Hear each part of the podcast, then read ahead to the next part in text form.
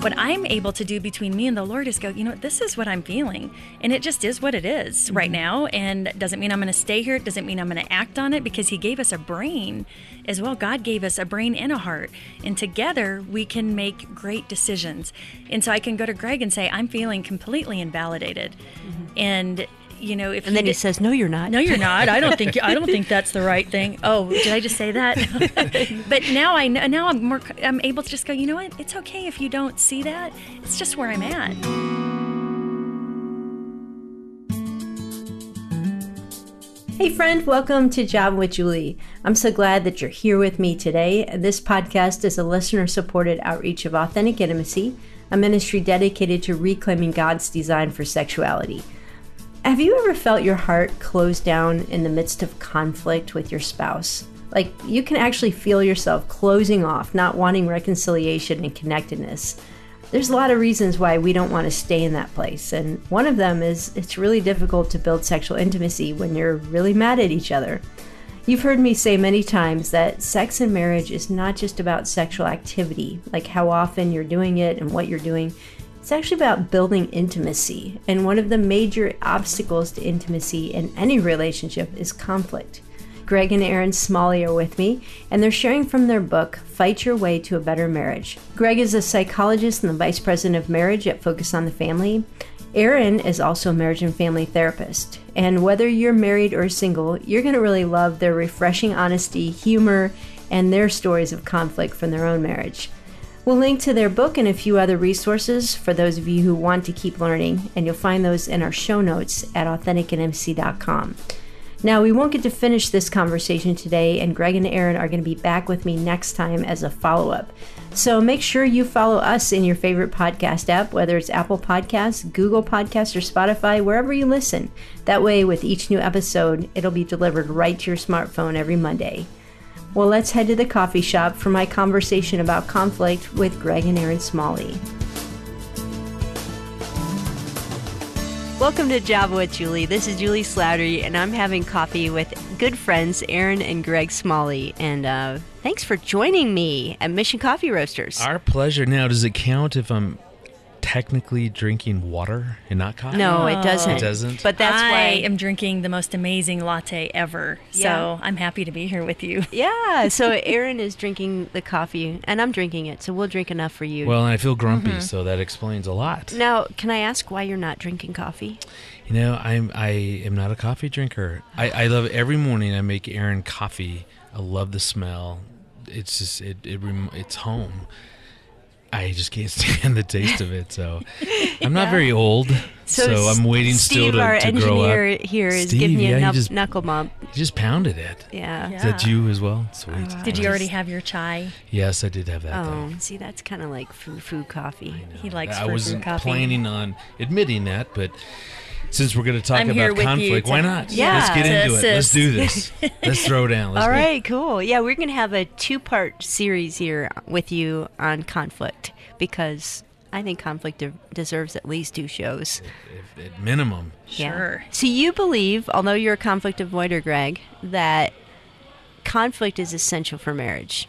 Absolutely. Uh, one of the best gifts you can give your marriage, honestly, is to work through conflict. People typically avoid it, sweep it under the rug. I spent many years in our marriage of now almost 25 years I've just I, I, hated the thought, and it wasn't that I grew up in a home that that handled conflict poorly. My my parents would kind of disappear behind closed doors, so I'm not sure exactly. So you how wouldn't they hear you didn't it. hear him yelling or anything. I, I, didn't. They just they were mad. They'd shut the door. They'd come out relatively happy. So you know, I mean, so it's it's not because of their inability or their their terrible way of handling conflict. I just it's my personality. I'm just a peacemaker. I I, I like harmony. I, I, I, I hate when we're, you know, in conflict, and yet now I really do get like James one two, one of my very favorite verses. In the, I think it's in the New Living Translation says that when trials come your way, consider them an opportunity, and, and that's really that was the paradigm shift in, for me is really saying, you know, conflict is worth walking through because there really is an opportunity. I get to learn something about me, potentially something about Erin, in or, or about our marriage and so that that's kind of i've had to learn to to really rest in that place of going you know what i don't really like this disconnect but there's an opportunity here i really do i, I believe that Mm-hmm. And Erin, are you a conflict avoider as well oh by good nature? lord I am not. and I love just last week we came out of a meeting at work and it was it was a tense meeting and it, it was, you know, involved us confronting some things and being very honest and authentic about some feelings we were having. And Greg walked down and he goes, "Oh, that was the most uncomfortable meeting ever." And I was like, "Why? That was great. That was awesome." i spent And half the time the qualifying Oh you my word! Twenty-five minutes later, I'm like, "Get on, go, go! we only have thirty minutes here." it's who i am Yeah, Yeah. but no, we handle it definitely not a conflict avoider because my family was absolute opposite of what Greg's was. I mean, it was very you knew when someone was upset and boisterous and loud and not that that was the the best way to deal with conflict, but I definitely am not afraid of conflict. And I've had to learn over the years how to tone that down a little bit and how to be more compassionate in the midst of a confrontation. You know, one thing I love about the two of you, you are both experts in marriage and relationship. Uh, you have training, uh, formal training. Erin, you have a master's degree in counseling. And Greg, you have a doctorate degree in psychology. You write books on marriage. You do marriage seminars, but you're so open about teaching from your own experiences and I would say even your own failures. I mean, you guys have some phenomenal stories of how you learned these difficult things. Like when I hear your stories, I wonder, could all of this really have happened to one couple? I don't know if it's unfortunately yes Yeah. or fortunately yes. yeah you don't have to make it No. make these things up Uh, so now I've teased it, so we've got to give some examples. But can, can you tell uh, a story or two of how that played out, particularly earlier in your marriage, where Greg, you were trying to avoid the conflict, and Erin, you were trying to chase him down to address things? Well, probably our most classic example in, in when when we say that, that consider conflict an opportunity, let's prove it. So this this actually really I learned something after what took place early on in our marriage. I, I learned something I never knew about my wife. But and I'm telling you, I wouldn't have learned it unless we'd walked through conflict. I, I say it's our strangest conversation ever, and it happened two weeks into our marriage. I, I was wondering where he was going to go. So, yes, two weeks into our marriage, we were just home from our honeymoon and we're laying in bed one night. And I asked what I thought was a, just a normal question. Um, I wanted to know how I was doing as a wife. So I just asked, Hey, Greg, you know, I'm a new wife and I'm just want to check in. And so I said, How am I doing as a wife? Yeah, and she didn't just ask, How am I doing as a wife, as a nurse? She framed it zero to 10. 10 being the best wife, zero being the worst And that's wife. usually like a pain monitor. Well, I was a how much labor- pain are you in? Yeah, I was a labor and delivery nurse, so I asked that question every time a woman walked through those doors, zero to ten. How bad is your pain? And so for some reason, I felt like that would work. Maybe it would have been better this for scenario. you to say, Greg, zero to ten. How bad's your pain in our first few weeks of That would have been good. That would have made more sense. yeah, Yeah. where were you Yeah. uh, to help us? We could have used a psychologist. so obviously there there were there's some great answers, some great ways I could have answered that um, that would have kept us in harmony, probably. But the way that in my mind uh, that I, I I came up with the response, I said, "Honey, I'm proud to tell you that you are a 9.3." Wow. Which, After let two weeks, just- that's pretty good. Well, and I would note say- that that's a 93%, which is a what? It's an A. Thank you. It's a, low A. Is that A minus? Thank you very much. Yeah, but remember, I'm a C student, so all through high school, I was a C student. So I, if I had brought a, home a 93% in anything, my parents would have Thrown a party. calf. Exactly, Yeah. we Yeah. have celebrated. But I was not like that. I was a 98% and above student. Mm. So a 9.8 would have been passing. So a 9.3 to me was like failing. yeah, as a matter of fact, she graduated high school with a 4.3 GPA. Wow. I mean, I remember when she told me that the first time. I said, "Honey." Hey, you don't have to lie to me. I, I love you unconditionally. Because I thought the Yeah. highest was a 4.0. Not that I'd ever experienced that ever. um, and and so as as you can tell, I mean, so here in her mind, you know, anything below a nine point a ninety eight percent is failing. So, so here her brand new husband, who I think I'm complimenting her, giving her this ninety three percent, you know, Yahoo you know, she starts crying. We get into this big fight. We're disconnected. We're arguing and arguing. I think the the conflict ended when she said, she goes, "Oh yeah." She goes, "I may be a, a nine point three, but at least I'm not a five like you are." Oh, Yeah. wow. But as a C student, that felt okay. That felt comfortable. I could I could live with that. And and so eh, the question is, how do you go from that that sort of disconnection, that sort of hurt, that sort of frustration, disharmony, to the, next day? Actually, as we talked, I mean, mm-hmm. the, I, I learned something that I never knew about her, hmm. and and that's that's the value of conflict. What I learned about her is that that she had grown up in a very perfectionistic home, right? Mm-hmm. yeah, very perfectionistic and definitely wanted to do, you know, the very, very best that I could do.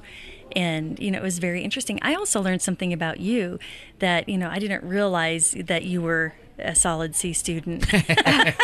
it caught, it gave her pause. Is that it? Two weeks? in? not Did- did not at make all. the right but honestly, today I'd be thrilled to be a 9.3. Thank goodness for healing. today she's a 15, so we've both, I think, and you really weren't a 5. So you you joke that you learned that he was a solid C student, but really, what did you learn about him emotionally through that? You know, I I did learn that he um, intentionally was not trying to hurt my feelings. That he he was actually really a sensitive guy, and by my response, it tapped into you know some deep stuff for him. And really, there we we've discovered over the years just. Um, the number of buttons and deeper emotional things that we walked right into our relationship. And really for greg i, I mean i'll let you speak for yourself but there was a there's a deep seated um, emotion around failure. And so when i started crying that it, it just really pushed his button around feeling like a failure. And i had no idea because i never would have guessed me crying would do that or trigger that for him Yeah, I hate making mistakes. I hate feeling like I'm failing, and so that's exactly what happened. Mm-hmm. Is that as she pushed back, I could tell I hurt her. I said the wrong thing. It felt failed, Uh-huh. and and when I feel failed, that that I, I hate that feeling. So I usually do something to get rid of it, which I typically defend myself. So that night, laying in bed as we were disconnected and fighting, I'm defending, I'm explaining, I'm rationalizing, justifying you know, you asked me. Actually, it's going down. You're like a 9.2 right now. And, I Wow. mean, Did you really that, say I those things? probably Probably. said- maybe I thought that in my mind. Oh, but, yeah, uh, he always says he was thinking about this these things, and I could actually hear him adding and subtracting on the other side of the bed, and literally laying there thinking, two weeks into marriage, is this normal? but I but I learned about her is that that this that growing up in that perfectionistic home that that you know never feeling like she measures up. Mm-hmm. Mm-hmm. That was a big big wound that she brought in. I didn't know mm-hmm. that. Well, and I didn't wasn't aware of that either. We all walk wounds, these deeper sensitive ish, uh, feelings into our marriages or into relationships, any relationship, and I had no idea. Yeah, but I mean, the more that we, as, as the next day, as we were calmed down, you know, had a had the night to kind of simmer down a little bit.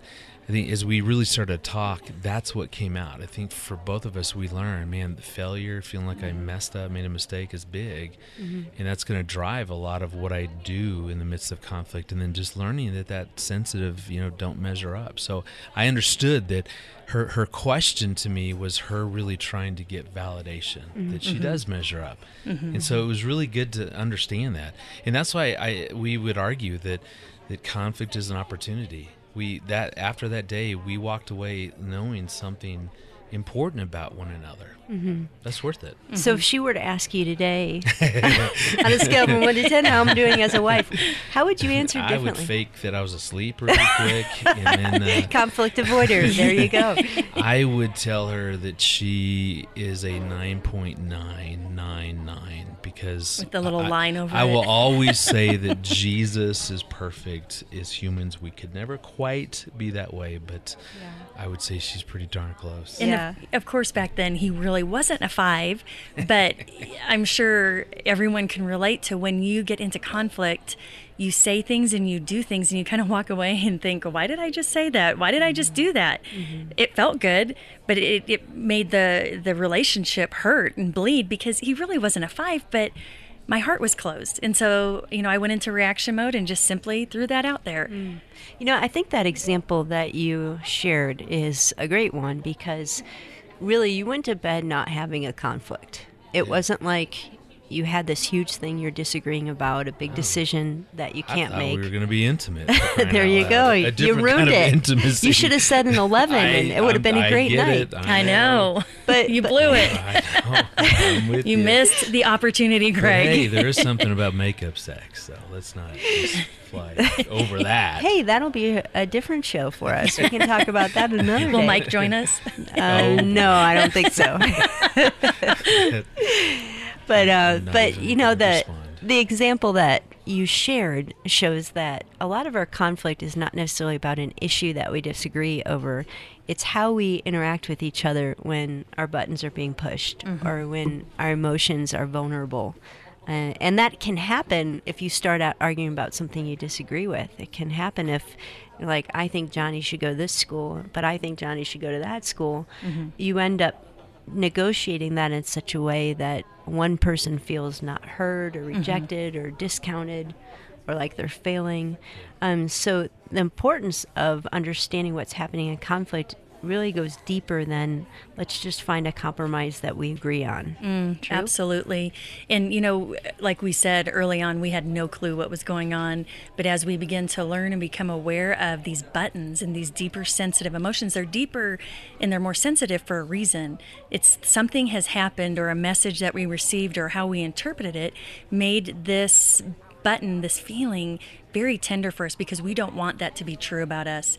And as our buttons get pushed, our hearts close and we react because we want to do something to make the feeling stop. Mm-hmm. And that's where it just gets crazy that we can get is my buttons get pushed and I react, I push Greg's buttons, he reacts, and we get stuck in this cycle. And you can change the topic, you can change the disagreement, you can change the, you know, having differing opinions about different whatever it is always typically you'll land in the same pattern and we've seen this with couples who are in crisis mm-hmm. that they'll they literally once they see that we can map it out. Once they see this reactive cycle they go aha that is totally what's going on. I had no idea and that's exactly how we felt. Yeah, you know, James 4 1 says, what, what causes fights or quarrels amongst us? So it's actually saying, what, why do we argue? And, and, I, and I love what, what he says is that, isn't it the desires that wage war within you? I think part of understanding that, that, that, that word desire is really like for me, you know, I don't want to feel failed. The desires, I want to be successful. Mm-hmm. I, I want to, I want to be the kind of husband that, that, that is successful, the father, successful worker that's successful. And so that that's the big desire that's waging war within me. I want to do that. And if I'm not feeling that way, I'm feeling failed, thus I'm going to react, as Erin talked about. Well, you have the advantage of having clinical training in psychology. Yeah, I mean, didn't help early on. that's Yeah. sure. i only went back to school to see if he was analyzing me and then i found out he wasn't and you had to you had to armor up. Oh. and Greg, of course, uh, you were born the son of, of Gary Smalley, so you have it in your DNA to be able to figure this stuff out. You'd think. you would think, Yeah. but uh, but for the average person listening, saying, "How in the world do I?" figure out what my buttons are and what my spouse's buttons are or my kids buttons are or my friends buttons are do i have to go to see a counselor to figure that out uh, are there some questions that i can start asking that help me understand why i react the way i do in conflict Yeah, absolutely. One, I mean, we wrote about this in a book called "Fight Your Way to a Better Marriage" because we really do believe that that that conflict brings such an opportunity and it can strengthen if it's handled appropriately. I think the kinds of questions that you want to begin to to ask yourself. So it, it when when I feel hurt, when I feel frustrated, when I'm upset with Erin, the question I want to start doing that emotional intelligence is, what's going on for me? Like, why why is this such a big deal? Um, you know when when when she's doing something or not doing something and i'm just you know I, i'm feeling it that's being driven by something deeper that deeper emotion. So just just begin to analyze and go yeah what what what what is this? What i'm feeling what? Like she does this and it makes me feel what? And for you know a lot of a lot of guys you know uh, control disrespect um, failure I mean, that as a guy, I mean, start with some of that a little bit. Like, am I, am I just feeling that she's being really disrespectful to me right now? I mean, that's gonna feeling disrespect, feeling controlled. That's another big one for me. Mm-hmm. You know, I, I, hate if she's wanting to discuss the budget and she's she's saying, "Well, I think we should do this and that, and we shouldn't do this, or you, you can't spend this without talking to me." For I mean, that just that triggers con- feeling controlled. I mean, mm-hmm. uh, so I'm just saying we're, I'm, we're, we're our behaviors are driven by deeper emotions mm-hmm. that, that are getting stirred up, pushed, whatever, however you like to look at that. Mm-hmm. And then as you become aware of those emotions, typically, you know, guys sometimes need to work a little bit harder to get the language down, but as women, we so often will judge these emotions and try to shove them down and deny that we're feeling them. And instead, what we encourage people to do is just to be curious and really just become aware of what is it without the judgment attached to it. Mm-hmm. You know, we were just we just did a seminar talking about conflict just last weekend. It was really cool. A woman came up the, it on Sunday morning after we preached. So we did the marriage seminar, preached the next day. She was just beaming, and she had actually approached us some point during the seminar and said, "Man, man, I love this, and, and really understanding my buttons and how I react." you know, we, we have a little test in that book, Fight Your Way to a Better Marriage, that actually will help you figure that out. So she took that. There was a copy in her little conference manual, and her seven year old son and husband get into this big battle, this mm-hmm. big conflict. And, and she has felt consistently in the middle, helpless when they're battling or don't know what to do. And so they're they're arguing. Mm-hmm. And so she goes down, gets the little test, and, and walks it up and says, "Hey, hold on, let, let me ask you about something." And so she asked both of them just to I'm going to I'm going to read off some emotions. Tell me if that's true for you right now. Mm-hmm. So she even had her yeah. son do thumbs up, thumbs down, yeah. Mm-hmm. or in the middle. Mm-hmm. yeah, so and, but she, he was 7 and he was able to identify yeah. what he was feeling.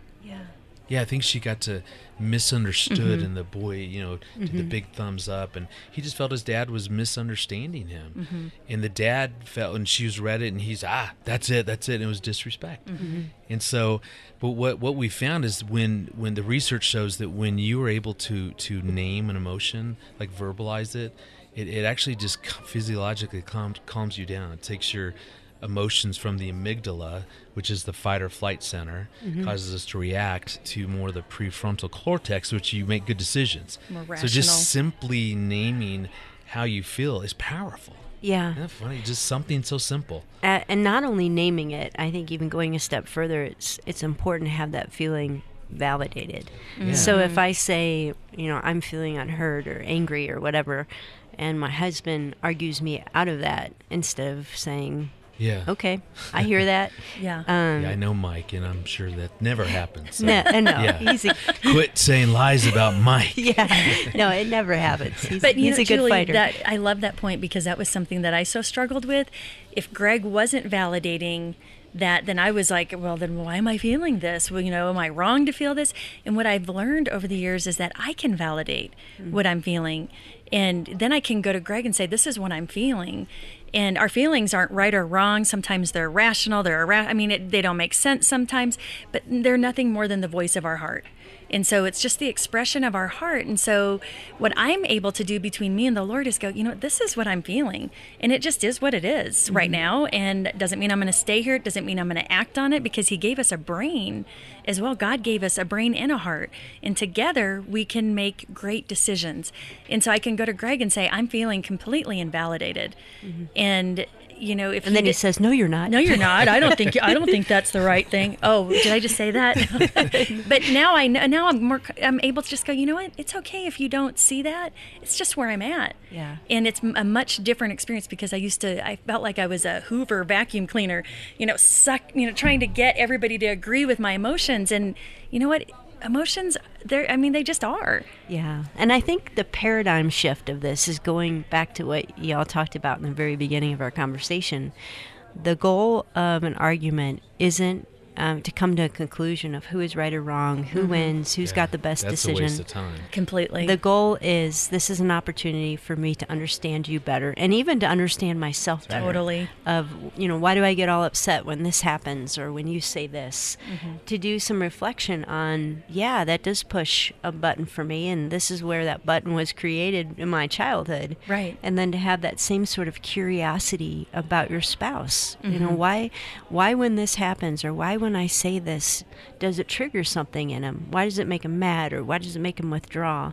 I want to understand where that sensitivity is. That's a whole different goal of Mm-hmm. conflict. And I'll say that, I mean, this has been so powerful in our marriage, but I've also had conversations with girlfriends and my friends. You know, I can tell they're upset and had one recently that just simply helping her identify what she was so angry with me and just sitting with her and loving her through it. And literally, as she said, this is what's going on, she had felt um, unloved.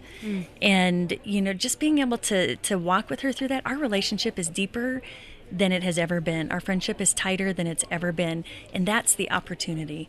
Yeah. Let me um, let me ask you about how we go about doing that, Erin, because I think in our heart of hearts we want that. Mm-hmm. When we have a conflict with somebody we care about, we want to get to the place mm. where we truly understand them and feel understood.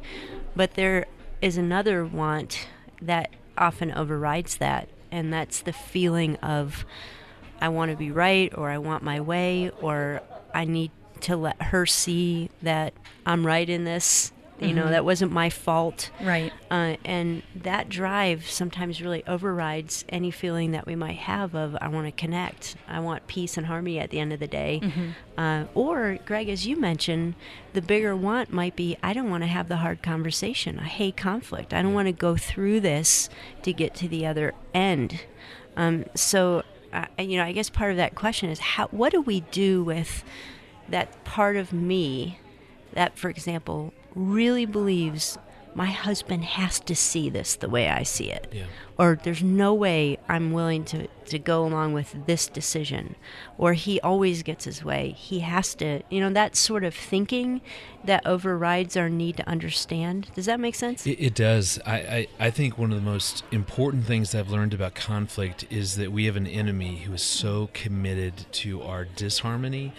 We we we believe that, that God, through the creation of marriage, in, has given us this amazing gift of oneness, of unity, and that's we, we we say that that's the superpower of marriage, that oneness, that unity. And just when we're operating together, that's a powerful thing. Satan hates that. So it's Satan is the father of lies. And so I think a part of how he attacks us in the midst of conflict is that when, when I'm hurt, frustrated, upset with Erin, you know, we're, we're into this whatever, um, the, the spiritual warfare, if you want to uh, really understand how you're being attacked, when you start to, to use the the extreme language she never she she always i want i mean when you're real aware that you are really stuck on what they're doing and how dare them and i deserve to be understood and that i'm telling you that's a part of the spiritual warfare. Because satan is the father of what? Mm, Lies. of lies. Mm-hmm. And he wants to convince me that she's never going to change. She's always going to be like this.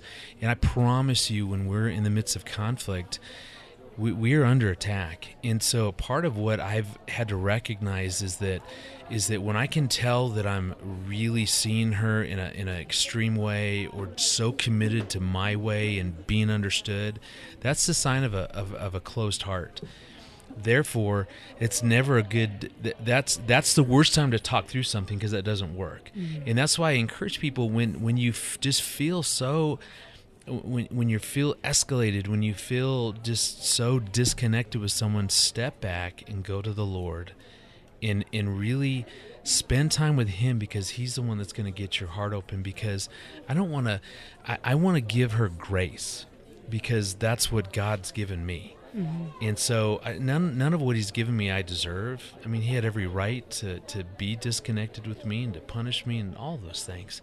But instead of instead of what can I get out of this or how can Erin understand me, the, the gift I want to give her is the grace, is to see her through God's eyes, to give her the benefit of the doubt, to give, to, to begin to sacrifice, really. You know, God, you know, I, I have a right to be understood and I can give that up, choose to give that up and to sacrifice and to say with an open heart, you know, let me seek to understand you before being understood. And that's why I really believe that the key to this whole thing called conflict is to really to get your heart back open 1st mm-hmm. If if you can if you're going to get hurt, you know, First Corinthians seven twenty eight says, "In this, for those who married, you will experience trials. Mm-hmm. We are going to go through these hard times. Your heart is going to close. In those moments, step back, own that. My heart, I need to get it open. Go to the Lord, spend some time with Him, and and get God's perspective on who my spouse really is. I on my own, I will continue to see her as, you know, not doing something the way I wanted it, or how how could she possibly accuse me? I mean, all that. See, I I, I can't turn the corner, but through God's eyes, through really going, God, she's your daughter. G- give me that sight. God looks at the heart versus I, I look at the outward. I look at the moment. Mm-hmm. I don't I don't want to get trapped in the moment of how she's behaving, I want to remember that, hey, I've got 20 years living with Erin as my wife. Who is she really? You know, it okay, in 25 years, who here, here's who she really is. Mm-hmm. And when, when we can recapture that with a friend, with a, a, a, child, with a spouse, I mean, that see, that's the stuff that gets our heart open. Now we're able to go and really have a good, productive conversation, like Erin's talking about. But you'll never get there if your heart remains closed. Mm. I love a lot of what you said there, and it still resonates. So some of it you don't. All of it. Mm. Well, uh, some of it I like. Well, I was ready to question some of it. Were you? I'm a yeah. failure. but uh, but it so resonates with with my journey in marriage, and I think even within the last five or five or six years, Mike and I have gotten good at identifying what you're describing. Yeah. And he'll even say to me, like, if we go through a time of conflict, he'll say, this has to be spiritual because really I have is. things going in my mind and things about you and things about our marriage that I never think. Mm-hmm. And I just get on this negative track. yeah, of why is she doing this and I right. deserve that. And the same thing happens in my heart and my mind. And you know, I think what we tend to do is in our flesh, we tend to feed that. You know, mm-hmm. I remember times in marriage where I would literally have a conversation out loud with myself, justifying yeah. why I'm right. Like exactly. he doesn't, do, you know, he did this and that, and like I would practice my argument of what I was going to say. I don't know if anybody. well, Greg would come with a PowerPoint presentation. oh, that's you know? nice. Yeah. And then yeah. we get together with a friend for lunch and say, "Let me tell you what my husband did that was so bad." Right. And so it just exacerbates. it does. Thing. You're reinforcing totally. that closed right. heart, and what we've learned to do is to identify the spiritual nature of it mm-hmm. and even to be able to say to each other i don't know how to solve this but let's just start by asking god to help mm-hmm. um, because we feel like we're spiraling a- away from each other mm-hmm. and the more we talk the worse it gets so let's just decide to ask god to intervene and then you know and i give credit to my husband because he's the one that often initiates this he'll say to me things like I want I, I didn't wake up this morning wanting to fight with you. I love you. you know, I want to be yeah. on your team. Like I don't That's like so unifying. It is, and it's so affirming that I love you. We're together, and the enemy wants to divide that. And by golly, I'm tired of the enemy winning. Yeah. You know, and it's worth having the hard conversation, whether it's in your marriage or with a friend or with a child. It is worth it because the enemy wants to separate us and isolate us, and it's just not worth it. I always have fun hanging out with Greg and Erin. God has really given them a gift to help other people navigate marriage and relationship issues through sharing their own stories of struggle and growth. I hope you'll pick up a copy of their book, Fight Your Way to a Better Marriage. This is really one of the best Christian resources on navigating conflict in marriage or other close relationships. Look for that in our show notes at AuthenticIntimacy.com. Don't forget to follow Java with Juli in your favorite podcast app and join me next time when we learn more about how to keep your heart open during conflict with Greg and Erin Smalley. Hey, thanks for listening, and I look forward to having coffee with you then on Java with Juli.